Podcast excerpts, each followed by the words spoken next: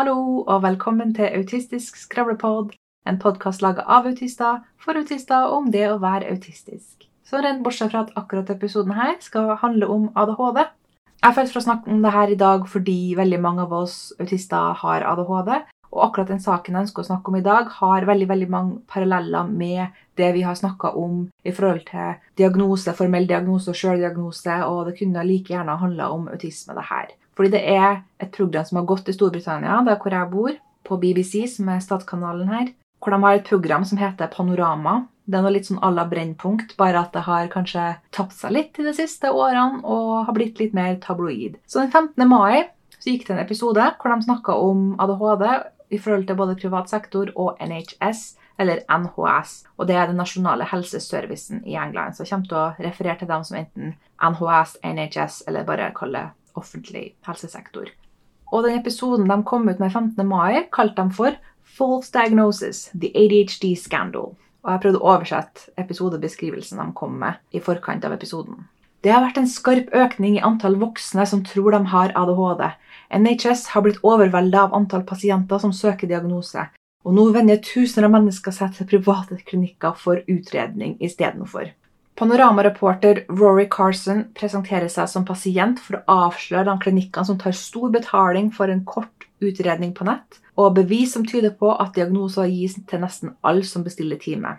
Programmet avslører også klinikker som utskriver kraftige medikamenter, skråstrek rusmidler, de bruker ordet drugs, uten å utføre ordentlige sjekker først. Det er klart det ble ramaskrik av denne beskrivelsen. Veldig mange som har fått ADHD-diagnose i privat sektor fordi det er så vanskelig å få det offentlig, har jo kjent på det her, meg sjøl inkludert. Og det eneste vi fikk til respons, var at de endra tittelen fra False Diagnosis til ADHD Scandal til Private ADHD Clinics Exposed. Og jeg vet ikke om det var så veldig mye bedre. Så kan du tenke deg hvor knusende det her er. At du har blitt oversatt tidlig i livet. Du har strevd hver dag for å fungere på skole og jobb og i personlige forhold og i hverdagen generelt. Og så har du som resultat av det fått ufattelig lav selvtillit og angst og andre utfordringer. Og så innser du at du har ADHD, og du har fått svar. Halleluja, eureka-moment. Men så er det sånn da at ventelista til NHS er tre til fem år lang. Men om du bruker right to choose, som er litt sånn fritt behandlingsvalg i Norge, og endelig så får du svar gjennom en privat klinikk som du har blitt referert til gjennom NHS, og du får medikamenter, du får mestringsstrategier, du får synlighet, du får aksept, du får støtte, du får forståelse, du har endelig fått svar. Og så kommer den dokumentaren her og sår tvil i alt. Og det er som vi sa i sjøldiagnostiseringsepisoden om autisme, at det er jo ikke sånn at folk går ut og tenker Hei, jeg tror jeg skal gå og kjøpe meg en diagnose i dag, ass. Men heller det at Hei, jeg har strevd i over 30 år, og nå har jeg lest meg på alt om ADHD og hatt et eureka-moment. Og det å drive og lese opp så mye på autisme og ADHD og søke diagnose og betale masse for det, er jo ikke noe nevrotypiske folk går rundt og gjør. Men den dokumentaren her, den episoden her, hausa opp om ganske mange av dem fortellingene som går rundt med at nå er det så mange som skal ha ADHD-diagnose og huff og huff. og Det ligger litt mellom linjene at folk egentlig ikke tror på at enten at vi har ADHD, eller at ADHD overhodet fins. Så ja, se for deg at du har hatt denne opplevelsen da, fra fortvilelse i oppveksten til at du endelig har fått svar, og så kommer dokumentaren her, og så har du denne Rory, den journalisten, som bruker sin status som BBC-journalist for å snike i køa til dem som venter i fem år og blir vurdert av NHS sin fremste ekspert på ADHD. Og så sier han eksperten at du har ikke ADHD, men de tre private klinikkene som han også går til, sier at han har det. Og det er en liten detalj her som det kan være viktig å presisere. For til forskjell fra NHS-eksperten så ble de private klinikerne ikke informert om at han her er journalist som undersøker overdiagnostisering av ADHD. Det fikk NHS-eksperten vite men de private klinikkene fikk ikke.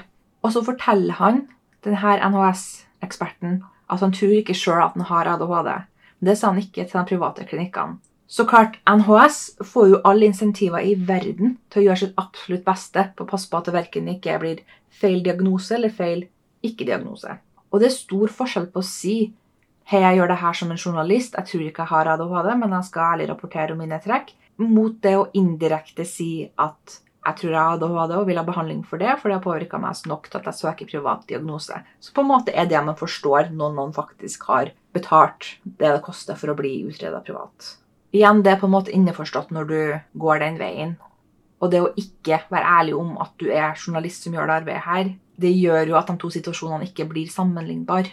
Og det her har også en journalist med ADHD på Twitter som heter Carly Minsky påpekt også. Hun sier at det her var kjempeuetisk og misvisende for en nevrotypisk journalist å søke privat diagnose og samtidig informere NHS-psykiateren om intensjonen. Og så bruke denne offentlige vurderinga som bevis på at de private diagnosene er feil.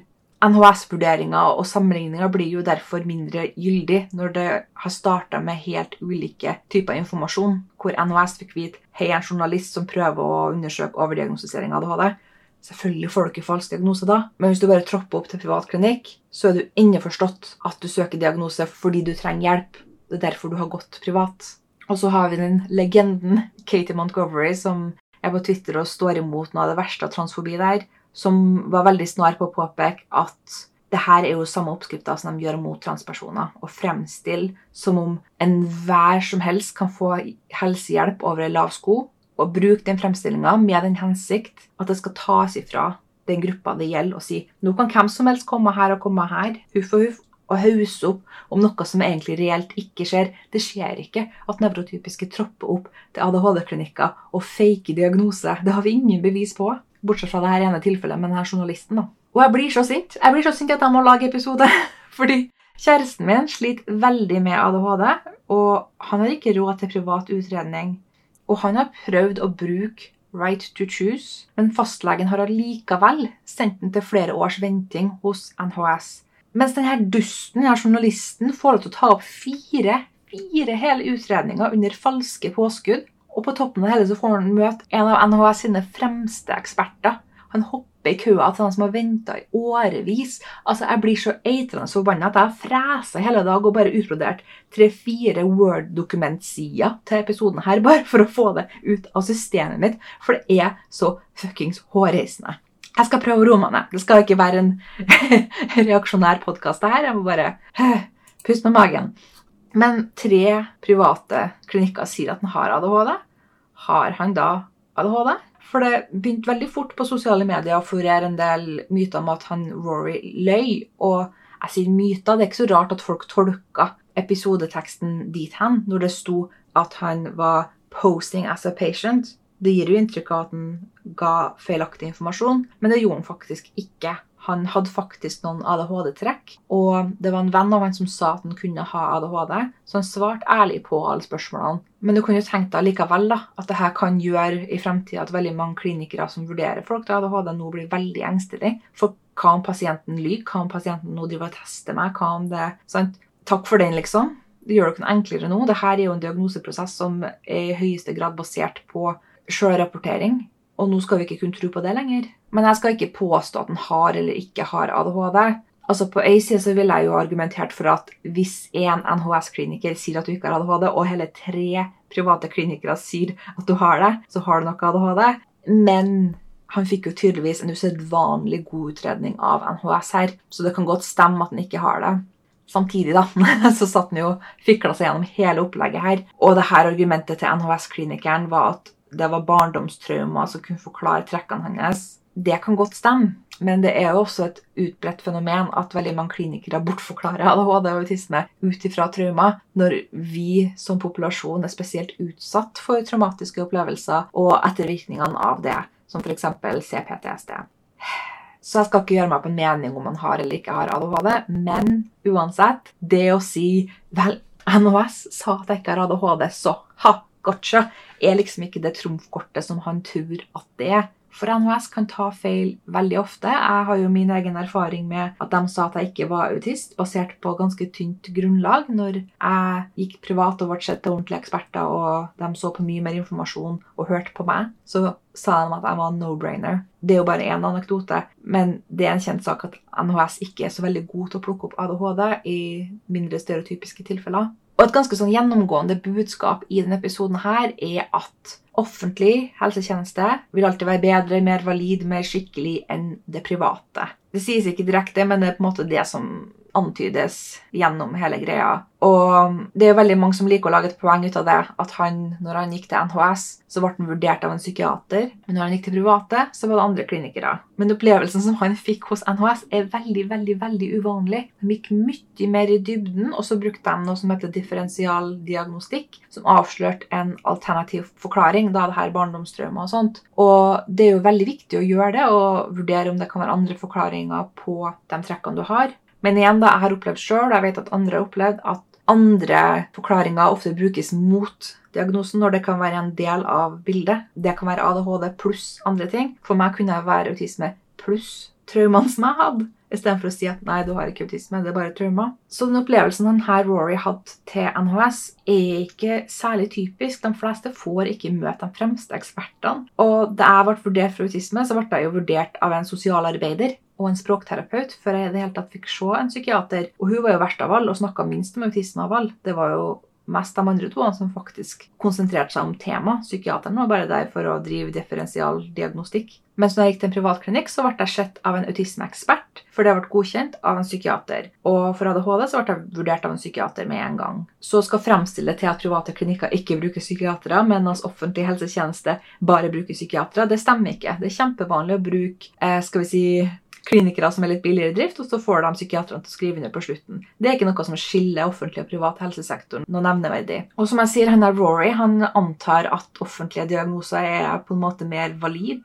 Og det kan det godt ha vært i hans tilfelle her, men jeg vil gjerne presisere at det han har vært gjennom hos NHS, er overhodet ikke representativt for hva de fleste møter i NHS. Det å få lov til å hoppe i køa i en tre års lang venteliste for å se en fremste ekspert, og bli utreda så grundig, er veldig veldig sjeldent. Og ikke bare det, men når man skal ha det til at offentlige diagnoser er mer valid, så kan det være viktig å huske på at NHS, så bra som det ender, utbetaler milliarder i økende antall feildiagnosesaker. Så det er liksom ikke det her trumfkortet som han tror det er, som sagt. En annen ting som stadig understrekes i episoden her, er at å, de her korte utredningene på nett, det var det som resulterte i diagnose. Men de her fjernutredningene har jo vært uvurderlige under pandemien, og det har gjort det tilgjengelig for veldig mange som vanligvis ikke ville hatt tilgang til vurdering. Sjøl måtte jeg dra til Nord-England med tog for autismeutredning og måtte overnatte for å kunne stille opp neste morgen. Og klart det hadde vært mye bedre hvis jeg kunne ha fått den utredninga fra hjemmet mitt og sluppet å vært der og stressa og holdt på å få meldt den utenfor klinikken. liksom. Så å undergrave de her utredningene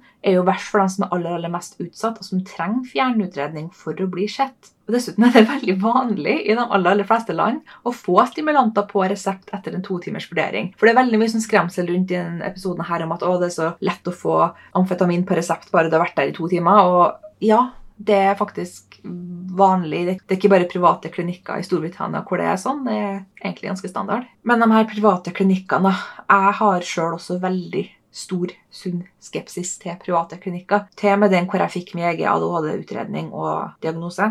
Der hvor jeg fikk autismeutredninga, så var de veldig veldig grundige. Og det var en helt annen plass enn hvor jeg fikk ADHD-vurderinga mi et års tid etterpå. Men hos den ADHD-klinikken da, så var det en ganske sånn stor krysskjemaøvelse hvor jeg tenkte at ja, her kunne jeg like gjerne ha løye og fått diagnose og resept uansett. Jeg, jeg, jeg husker at jeg tenkte det, altså.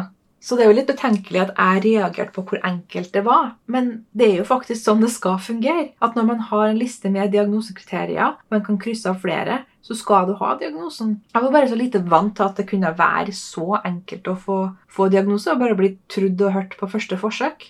Og ja, klart at det kan misbrukes, men skal vi virkelig holde på sånn at all sjølrapportering ikke teller i helsesammenheng? At du skal bare ha eksterne vitner og blodprøver og gudene vet hva?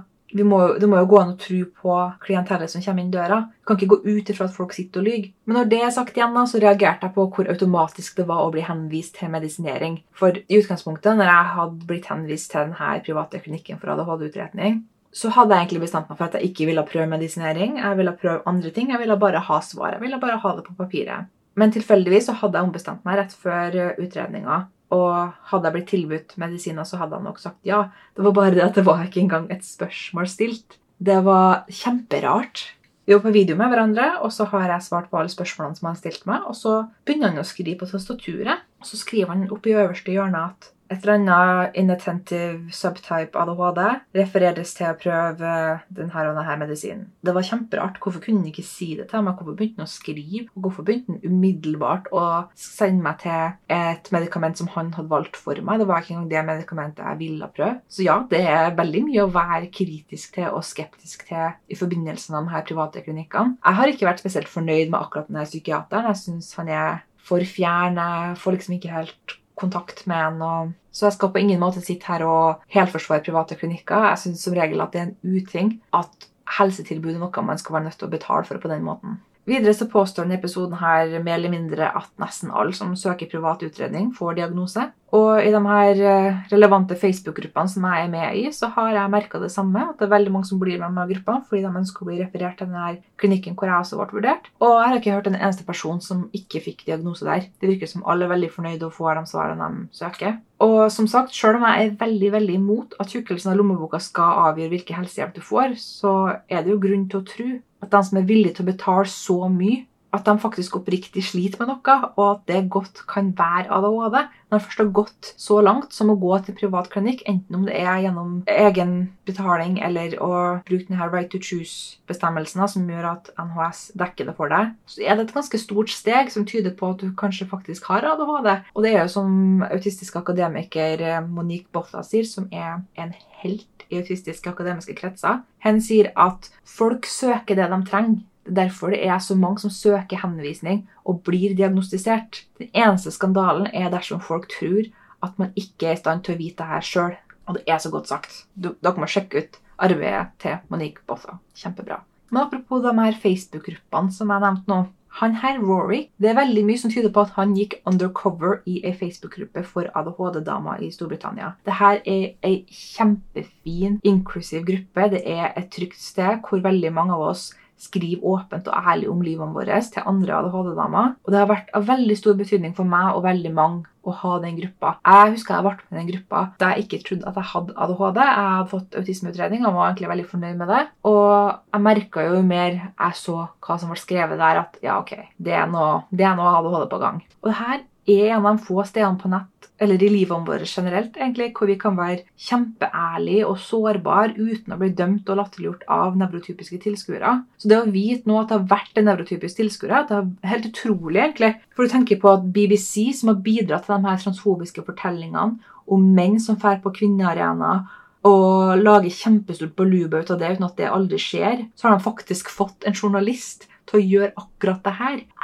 Det er så frekt. Og så tar han og sender privatmelding til damer i den gruppa her om det de har skrevet, og sier at ja, jeg har en venninne i gruppa her, når det er sannsynligvis en fake konto hun har laga seg sjøl. Altså, jeg kan ikke få sagt hva for et overtramp det er, og det er så ironisk at det kommer fra BBC av alle, som har laga så mye skremselspropaganda rundt det her for å gjøre det verre for livene til transpersoner. Det det er så drøyt. Men det er heldigvis ikke bare jeg som tar til motmæle her. Det har selvfølgelig vært ramaskrik på sosiale medier. Og ikke bare det, men det har kommet veldig mange gode artikler ut i forbindelse med dokumentaren. Dessverre så er det sånn at mange bare ser på dokumentaren og lærer ikke så veldig mye, men heldigvis så er det jo folk som leser mer. Jeg skal linke til mange av de artiklene jeg snakker om nå i beskrivelsen, og husk på å faktisk ta det med mens episoden kommer ut, og ikke legge ut etterpå. Beklager at jeg har gjort det innimellom.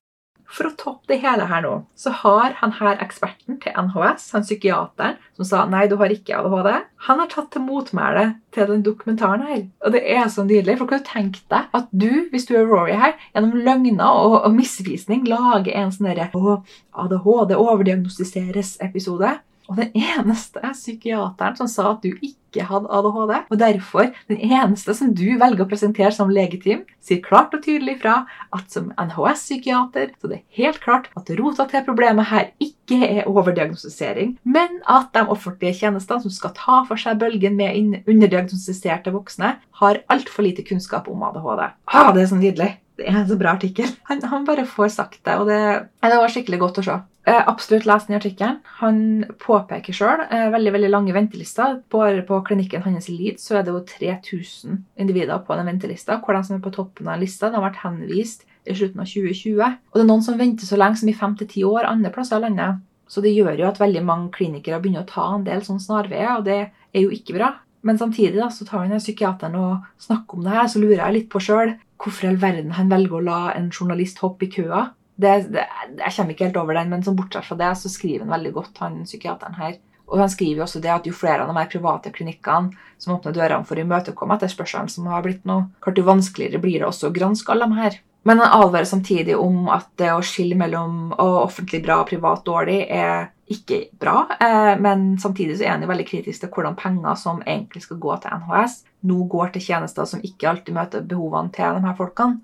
Og En annen ting som er veldig fint at han sier, er at de som tror at de har ADHD, de har veldig veldig ofte rett. Og Han tar til orde for at vi bør heller ha noen nasjonale mål for at ventetida til å få ADHD-vurdering bør gå kraftig ned. Og Han er veldig veldig tydelig på at det er ingen økning i ADHD, men at man prøver å ta igjen alle dem som har blitt oversett og det er det her jeg så gjerne skulle ha sett i denne dokumentaren. Og det som er den store skandalen her, er at av den millionen av mennesker med ADHD i Storbritannia, så er det bare 10% som har diagnose. Det er det som er den store skandalen her. Videre så har professor i nevromangfold Nancy Doyle skrevet at ADHD-diagnoser har dobla siden 2016, og det er damer som er den raskest økende gruppa fordi vi har blitt systematisk ekskludert av kjønnsbetinga kriterier frem til sånn for ca. ti år siden. Og det vi ikke trenger da, er utbredte misoppfatninger som får damer til å tvile både på seg sjøl og på legene sine og andre, andre, fagpersonell. Og Hun peker også på at kapasitetsproblemene i det offentlige helsevesen og underdiagnostisering som gjør at folk går privat. Hun advarer også mot de her snarveiene, sånn som han psykiateren. Og ja, Bare les den artikkelen. Jeg skal ikke oppsummere hele artikkelen. Den er kjempe, kjempebra.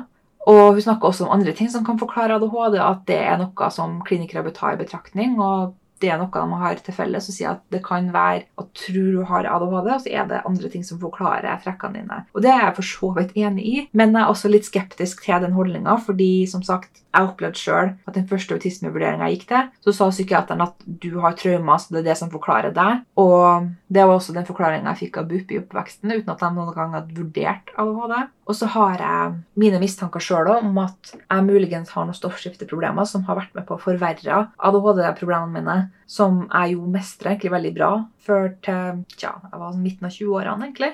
Jeg har jo hatt trekk, veldig veldig tydelige trekk hele livet, og det kan jeg lese om i BUP-journalen min. Men det kan jo være flere ting som bidrar, og da er jeg veldig redd for at de kan tenke at å ja, da forklarer det alt. For det gjør det ikke. Så jeg er alltid litt redd for at å se på andre ting kan brukes mot å få diagnose, når det egentlig er flere ting som spiller inn. Hun er Professoren snakker også veldig mye om risikoer som er forbundet med å ikke diagnostisere ADHD. Og det er generelt bare en veldig god artikkel, så jeg anbefaler å lese. Jeg skal linke den under. The ADHD Foundation har også kommet med et motsvar, for de var veldig skuffa over at uh, de som laga dokumentaren her, har valgt å ikke snakke med pasientstyrte organisasjoner. ADHD Foundation sjøl har kontakta eh, BBC Panorama før programmet ble sendt, men hørte ingenting. Og de nå kritiserer programmet for å ikke dekke den dårlige tilgangen ADHD-voksne og barn har til helsetjenester, og påpeker økt risiko for diabetes type 2, at vi har 11 års kortere forventa levealder, vi er mye mer utsatt for angst, depresjon, traumer og rusavhengighet osv. Noen andre som har uttalt seg, er ADHD Direct. Dette er en av klinikkene som journalisten gikk til privat. Og de er rett og slett rasende fordi denne journalisten har opptatt en utredning som en genuin pasient kunne ha dratt fordel av. Nå kaller det her en cancellation slot, som gjør da at du kan avbestille timen i siste liten, og så kan det gå til noen som det haster mer til. Det her fikk jeg sjøl da det hasta med autismeutredning for meg. Så var det noen som kansellerte, og da fikk jeg ta opp den timen, sånn at jeg fikk diagnosen i tide til det jeg trengte for av administrative grunner på universitetet. Så det, det er med rette ganske sint for at han har kommet der og ikke sagt hvorfor han var der, og tatt opp en time som kunne gått til noen andre. Og de påpeker videre at dokumentaren burde ha fokusert på dem som faktisk søker privat utredning. Og det er jeg helt enig i. Fordi jeg, jeg, tenker litt at det å ta en person som ikke har ADHD, og si 'se hvor lett det er å få tilgang til ting som ikke er laga for meg', det bidrar jo til myter om at ADHD ikke er reelt. Det gjør at vi faktisk glemmer dem som faktisk har ADHD, når vi fremstiller hele situasjonen her fra perspektivet til en som ikke har det. Han er jo forsvinnende irrelevant i alt det her. Typisk nevrotypiske å skal få alt til å handle om seg sjøl. Videre da så tar ADHD Direct og påpeker at det er mye feilinformasjon om utredninger som de hadde sjøl til han. Fordi han skadet til at utredninga varte en time og 40 minutter. Men sannheten at han fikk faktisk to økter, hvor den første økta var i to timer, og den siste var i én time. Og heller ble han ikke tilbudt resept, sånn som han påstår. Videre så har Panorama-serien brukt uttalelser fra noen som mista jobben hos ADHD Direct fordi de rett og slett praktiserte for dårlig. Så det er klart at denne personen er sikkert ganske bitter på ADHD Direct og sier ja, ting som ikke er bra fordi de er sur på den gamle arbeidsplassen sin, når det var dem som var dårlig kliniker, ifølge ADHD Direct. Til slutt så påpeker de at alle deres klinikere faktisk kommer fra NHS og jobber der fortsatt, så det å sette en kontrast mellom privat og NHS, altså offentlig helsetjeneste, er, henger jo egentlig ikke på greip. Men ja, jeg skal runde av ranten her. Jeg måtte bare få det ut av systemet. Jeg håper andre føler seg litt mer letta av å bare Jeg vet ikke. Hvis dere har fått med dere saken her, og bare få det litt oppsummert, alt som er riv ruskende gærent med den. Fordi Grunnen til at jeg ville snakke om det her på autistisk skravlepod, som egentlig ikke er en ADHD-skravlepod, bare noen gang, er at det her viser jo hvor begrensa nytteverdien av formelle diagnoser egentlig er for ting som f.eks. autisme da, og ADHD. Men også at det her også beviser hvordan formelle diagnoser ikke må settes på en sånn pidestall. Det må ikke settes høyere enn velformerte sjøldiagnoser. Jeg tenker på det her veldig mye hvor folk er så opphengt i at du må være formelt diagnostisert. Men data viser igjen og igjen at du vet best sjøl de her formelle diagnosene, hvor det er en klinikk som sier ja, og noen sier nei. Altså Forskninga er ganske tydelig her. For et studie som er gjort i Canada, viser at etter henvisning så har ADHD blitt bekrefta i 94% av tilfellene. Så folk vet best sjøl. Og denne episoden her kunne like gjerne handla om autisme. Jeg tror eneste grunn til at den ikke gjør det, er fordi at da hadde de ikke kunnet skremt oss med kraftige medikamenter på samme måte, fordi vi blir nok medisinert enn så lenge. Dette er riktignok i Storbritannia, så det er kanskje mange som tenker at ah, dette er kanskje ikke så veldig relevant til Norge, men jeg må si det, at etter å ha bodd i over ti år i Storbritannia, så skjer de fleste ting som skjer her før eller siden også i Norge. Vi har det med å dilte etter USA og Storbritannia når det kommer til det meste, så jeg mener at dette er absolutt relevant for Norge. Vær beredt, som en skal si.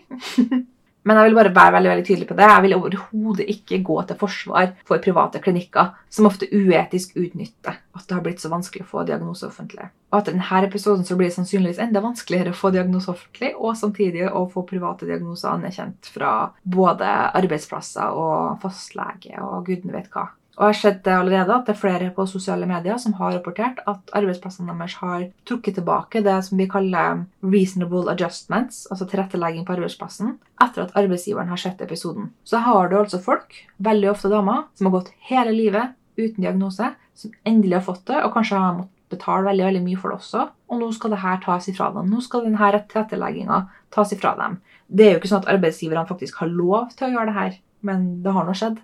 Så jeg blir litt oppgitt. Fordi her kunne de ha vinkla episoden til å handle om hvorfor folk ikke får offentlig vurdering og derfor må gå privat. De har ikke noe annet valg. Og at NHS hver bidige dag ikke følger det som kalles NICE-retningslinjene for både autisme og ADHD-utredning. Det hadde vært noe å fokusere på. Og at underdiagnostisering av ADHD er et kjempestort problem med veldig, veldig store mørketall. At vi får altfor rask hjelp, er jo ikke et reelt problem de lange ventelistene som er, som er drepende her. Men istedenfor har man altså valgt å så tvil over alle ADHD-diagnosene. Og det her gjør jo kun dem som har ADHD diagnostisert og ikke, enda mer sårbare. Så nå tror jo folk det, at ADHD overdiagnostiseres, når sannheten er egentlig den at det fortsatt er stor underdiagnostisering, og særlig blant damer og minoriteter. Og selvfølgelig dem som er begge deler. Da har jeg fått det her ut av systemet mitt så vil jeg bare si tusen, tusen takk for at dere har hørt på. Jeg skal legge til alt som er relevant og vel så det i episodebeskrivelsen under. Så snakkes vi neste gang. Ha det bra.